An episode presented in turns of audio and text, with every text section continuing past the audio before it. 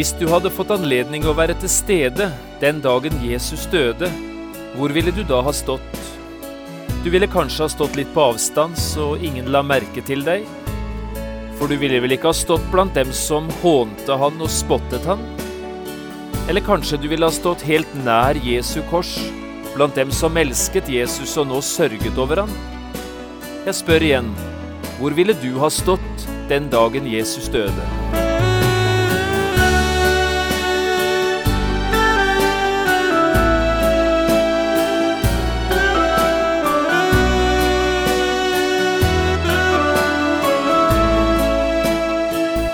Hjertelig velkommen til et nytt program i serien Vindu mot livet. Programmet er produsert av Kristen Riksradio og blir ledet av Jon Hardang. Kristen Riksradio drives av frivillige gaver. Vi er glade for din støtte.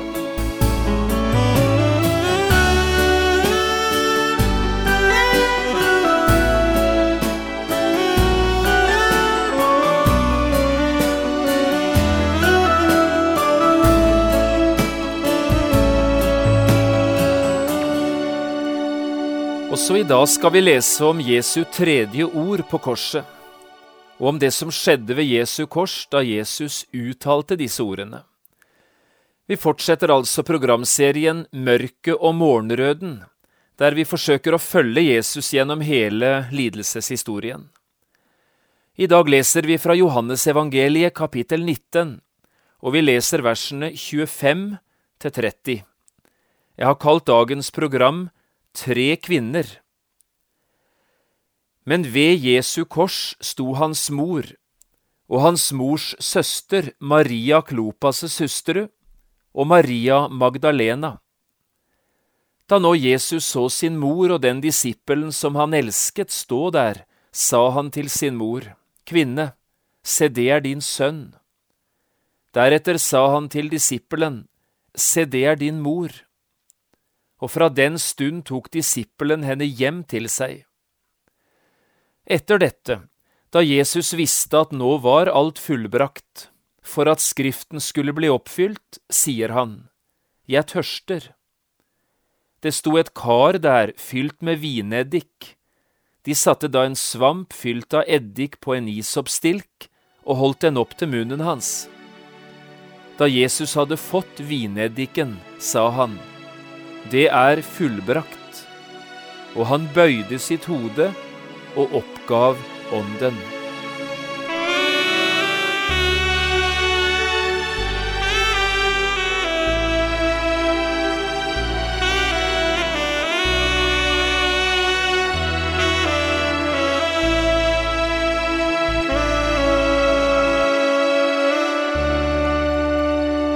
I 1872 ble det skrevet en sang om Jesu kors av en ung skotsk forfatter, Elisabeth Klepane.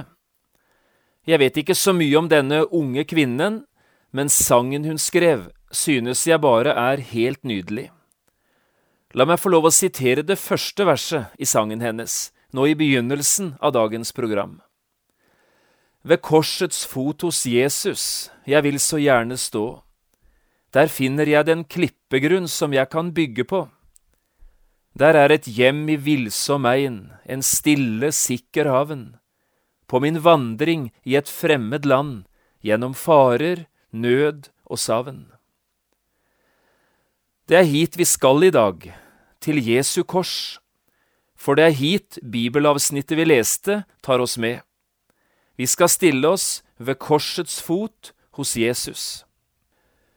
I vers 25 i det vi nå leste, sto altså disse ordene. Ved Jesu kors sto hans mor og hans mors søster, Maria Klopas' hustru, og Maria Magdalena. Og så hadde jeg lyst at vi, du og jeg, skulle finne vår plass her ved Jesu kors, sammen med disse tre kvinnene vi nå leste om. Hvis du hadde fått anledning å være til stede på Golgata den dagen Jesus døde, hvor ville du da ha stått? Du ville kanskje ha stått litt på avstand, sånn i det skjulte, så ingen la merke til det, nesten som passiv tilskuer til det hele. Kanskje du ville ha stått nede ved veien, nedenfor de tre korsene, blant de mange travle hverdagsmenneskene som hastet forbi, og som ikke brydde seg særlig mye om det som skjedde der oppe på Golgata-høyden. Ja, for du ville vel ikke stått litt nærmere korset blant alle dem som spottet han og hånte han? Eller er du av dem som egentlig ikke har så mye til overs for dette med Jesus? Du kunne egentlig ha vært hele Jesus-historien foruten, og du har vært mer opptatt med å spotte enn med å be. Eller kanskje du ville vært av dem som sto helt nær Jesu kors, sammen med de kvinnene vi nå leste om, ved siden av Johannes, den eneste av disiplene som var der, altså blant Jesu venner.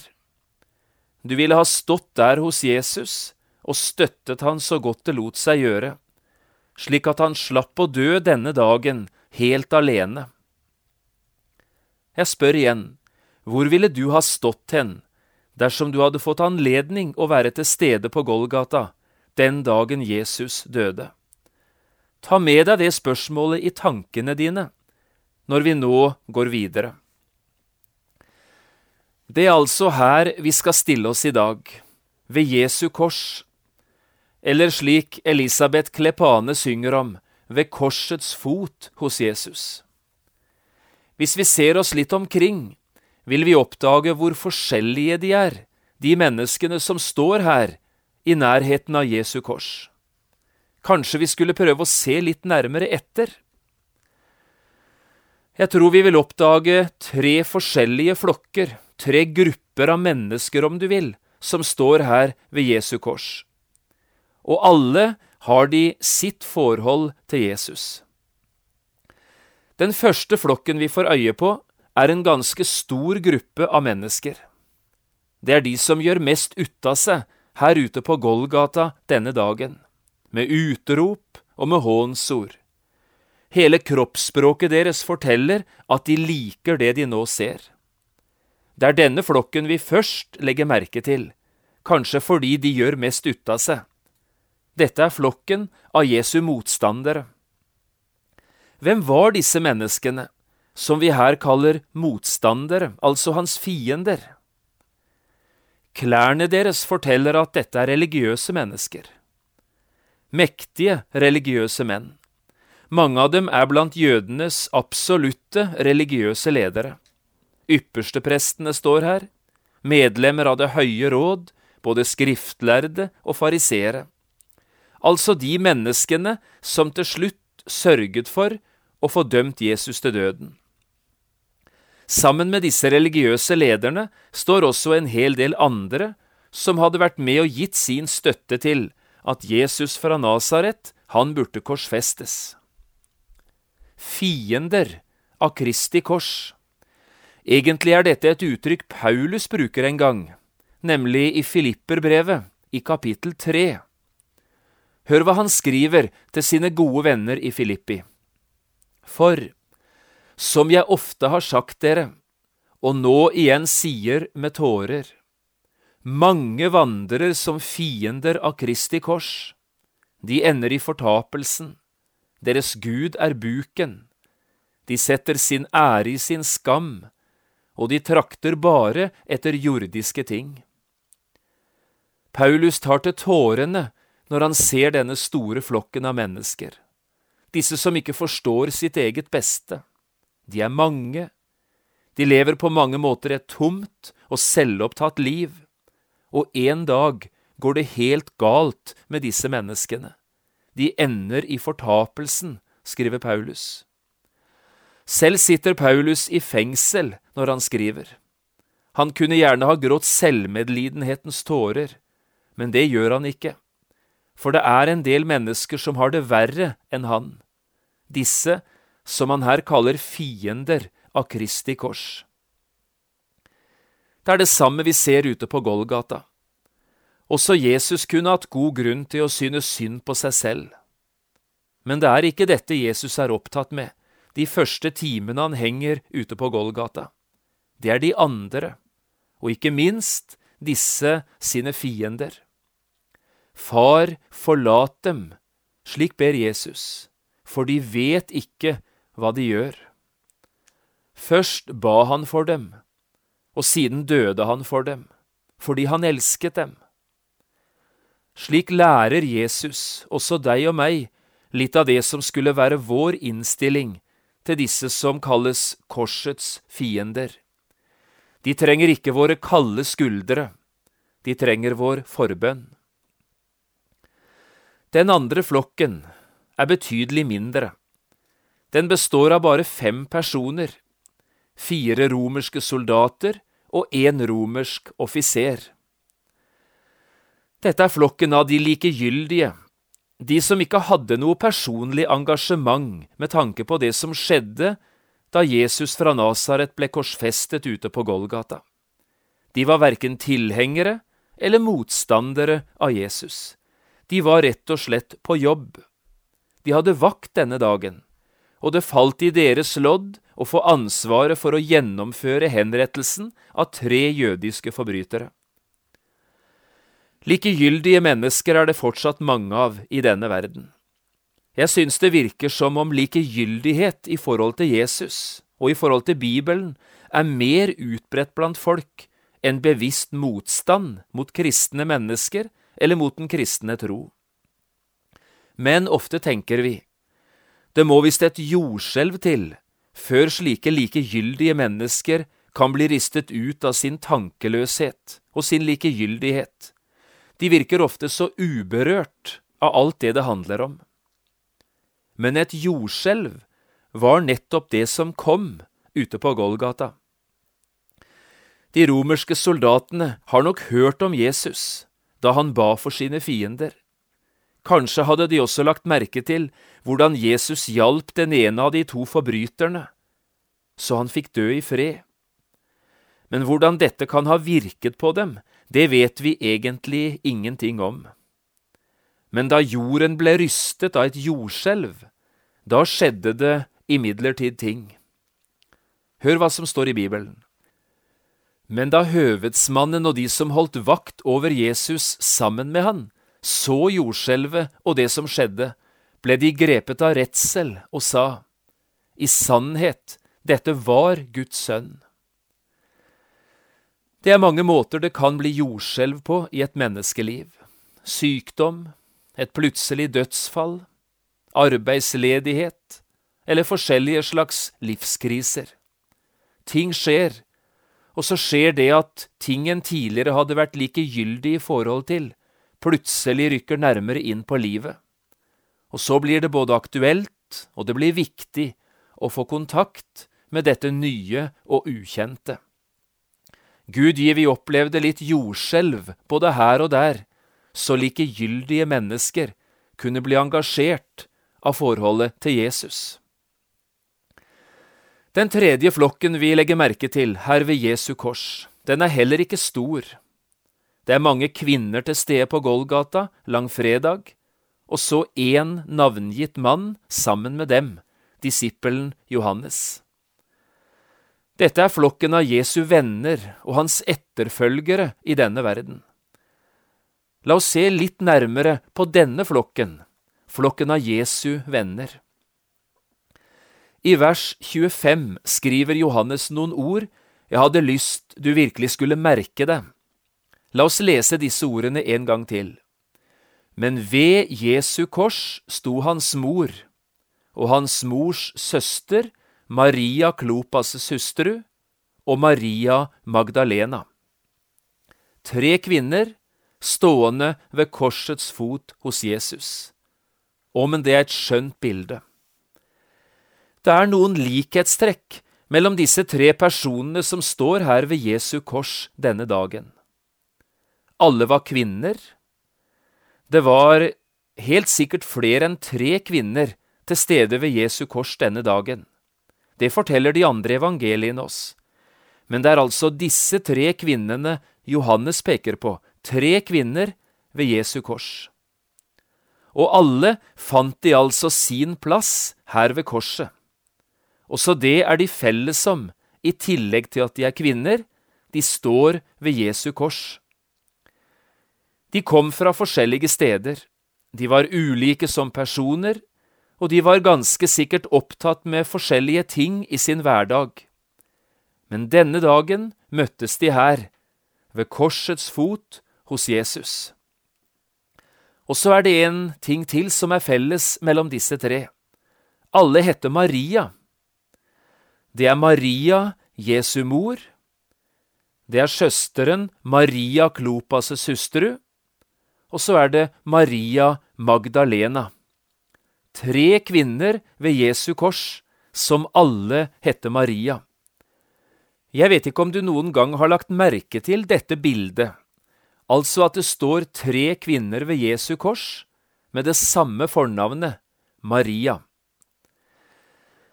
Når vi nå har sett på likheten, må vi også markere det er store forskjeller på disse tre kvinnene. Det var altså noe de hadde felles, men i det meste var disse tre ganske forskjellige fra hverandre. Og det er nettopp i sin forskjellighet at de nå forkynner evangeliet for deg og meg, og de gjør det på en vidunderlig flott måte. Hør på dette. Den ene var altså Maria, Jesu mor.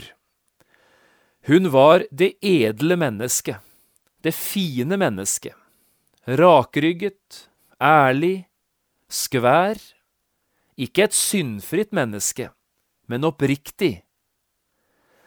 Maria er et eksempel på hvordan et menneskeliv kan leves. Maria er et godt menneske, som det ganske sikkert alltid var godt å møte, og som sjelden var et problem for sine omgivelser. Jeg kan tenke meg hun var et medmenneske som andre satte pris på å være sammen med i livet og på veien. Men så god var Maria ikke i egne øyne at hun ikke trengte å finne sin plass her ved Jesu kors. Det må jo ha vært veldig spesielt for Maria, alt dette med Jesus. På den ene siden måtte hun vende seg av med den tanken at Jesus var hennes egen sønn, og på den andre siden så måtte hun vende seg til tanken at Jesus var Guds sønn fremfor alt og verdens frelser. Ja, Maria måtte selv bli frelst ved troen på det barnet som hun selv hadde satt til verden, at han var den eneste som nå kan gi et menneske fred med Gud. Også Maria måtte ta imot Jesu frelse av nåde. Også hun måtte bli et Guds barn for Jesus skyld. Maria var et godt menneske, men ikke god nok til å bli frelst ved sine egne gjerninger. Heller ikke i dag finnes det mennesker som blir frelst på den måten, ved sine egne gode gjerninger. Skal et menneske bli frelst og finne fred med Gud, ja, så må det bli av nåde for Jesus skyld, akkurat som det ble for Maria. Ved siden av Maria Jesu mor står hennes rake motsetning, Maria Magdalena. Hun var det dypest fallende mennesket et menneske som det meste hadde gått galt for i livet. Når Markusevangeliet skriver om henne i forbindelse med Jesu oppstandelse, bruker Markus følgende ord. Maria Magdalena, som han, altså Jesus, hadde drevet sju onde ånder ut av. Dette må bety at Maria Magdalena var et menneske som visste hva ondskap og djevelskap er for noe. Hun hadde kjent det på kroppen. Hun hadde vært inntatt, styrt og dominert av disse sterke avgrunnens krefter. Men en dag hadde Maria Magdalena møtt Jesus, og det ingen andre i verden kunne, det både ville og kunne han. Maria ble satt fri av Jesus. Hun ble løftet opp fra den djupe gjørma, og føttene ble satt på fjell. Siden hadde hun fulgt Jesus trofast, og nå står hun her ved Jesu kors, som et vitnesbyrd også i dag, om at ingen er håpløse i Guds øyne. Ingen er så dypt falne at ikke Guds frelse rekker helt ned. Ingen syndelenker er så sterke at ikke Jesus er i stand til å bryte deres makt. Hun står her som et vitnesbyrd om nådens mektige kraft. Den tredje Maria vi ser her ved Jesu kors, er Maria Klopas' søster. Hva vet vi om henne? Ingenting. Ikke bortsett fra at hun var søster til Maria, Jesu mor, altså tanten til Jesus, og så gift med en mann som heter Klopas. Men det er også alt vi vet. Maria Klopas' hustru er den alminnelige, verken bedre eller verre enn andre folk. Ikke så from og god at hun på noen måte skiller seg ut i den retningen, men heller ikke et fallent menneske som på den måten skilte seg ut i negativ retning. Takket være Gud, og sikkert også mennesker, var hun vernet fra å ligge i grøfta. Hun var blant de helt alminnelige. Men nå står hun her ved Jesu kors, som et vitnesbyrd for deg og meg, at Jesus kom for å frelse alminnelige folk. Kristendom er ikke for spesielt interesserte. Kristendom er liv, frelse og framtid for alminnelige mennesker. Her har vi dem altså, disse tre kvinnene, som alle heter Maria. Det edle mennesket, den dypest falne, og så den alminnelige. Og alle sto de her ved Jesu kors.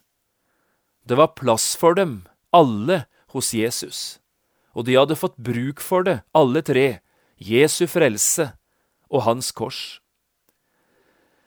Jeg vet ikke hvordan du vil beskrive deg selv, som et fromt, edelt menneske, som en av de dypest falne, eller som et ganske alminnelig menneske. I dag skal du iallfall få høre det, uansett hvem og hvordan du er. Det er en plass ved Jesu kors nettopp for deg. For alle disse tre, og for alle andre mennesker, døde Jesus. For alle disse tre og for alle andre mennesker ropte Jesus, Det er fullbrakt. Tre vidunderlige ord for de tre flokkene ved Jesu kors, fiendene, de likegyldige og hans venner. Tre vidunderlige ord for alle de tre kvinnene som sto ved Jesu kors, den edle, den dypest falne og den alminnelige. Tre vidunderlige ord også for slike som deg og meg. Det er fullbrakt. Så skulle jeg ønske at også du og jeg kunne få oppleve det, det Elisabeth Klepane synger om i det siste verset av den sangen vi siterte fra begynnelsen av i dag. Ved korsets fot hos Jesus, der har mitt hjerte fred, og aldri mer vil jeg gå fra dette sikre sted. Hva verden enn kan tilby meg, jeg akter det for tant, men jeg roser meg av Kristi kors, der fred med Gud jeg fant.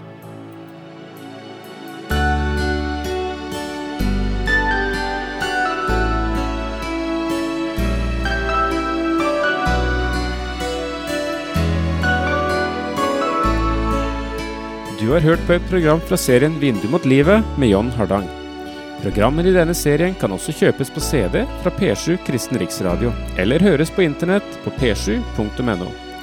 Har du spørsmål eller kommentarer til det du nå har hørt, kan du ta kontakt med oss på telefon. Da bruker du telefonnummer 56 32 17 01. Du kan også sende oss en e-post. Adressen er vml.krøllalfa.p7.no. Takk for i dag, og på gjenhør.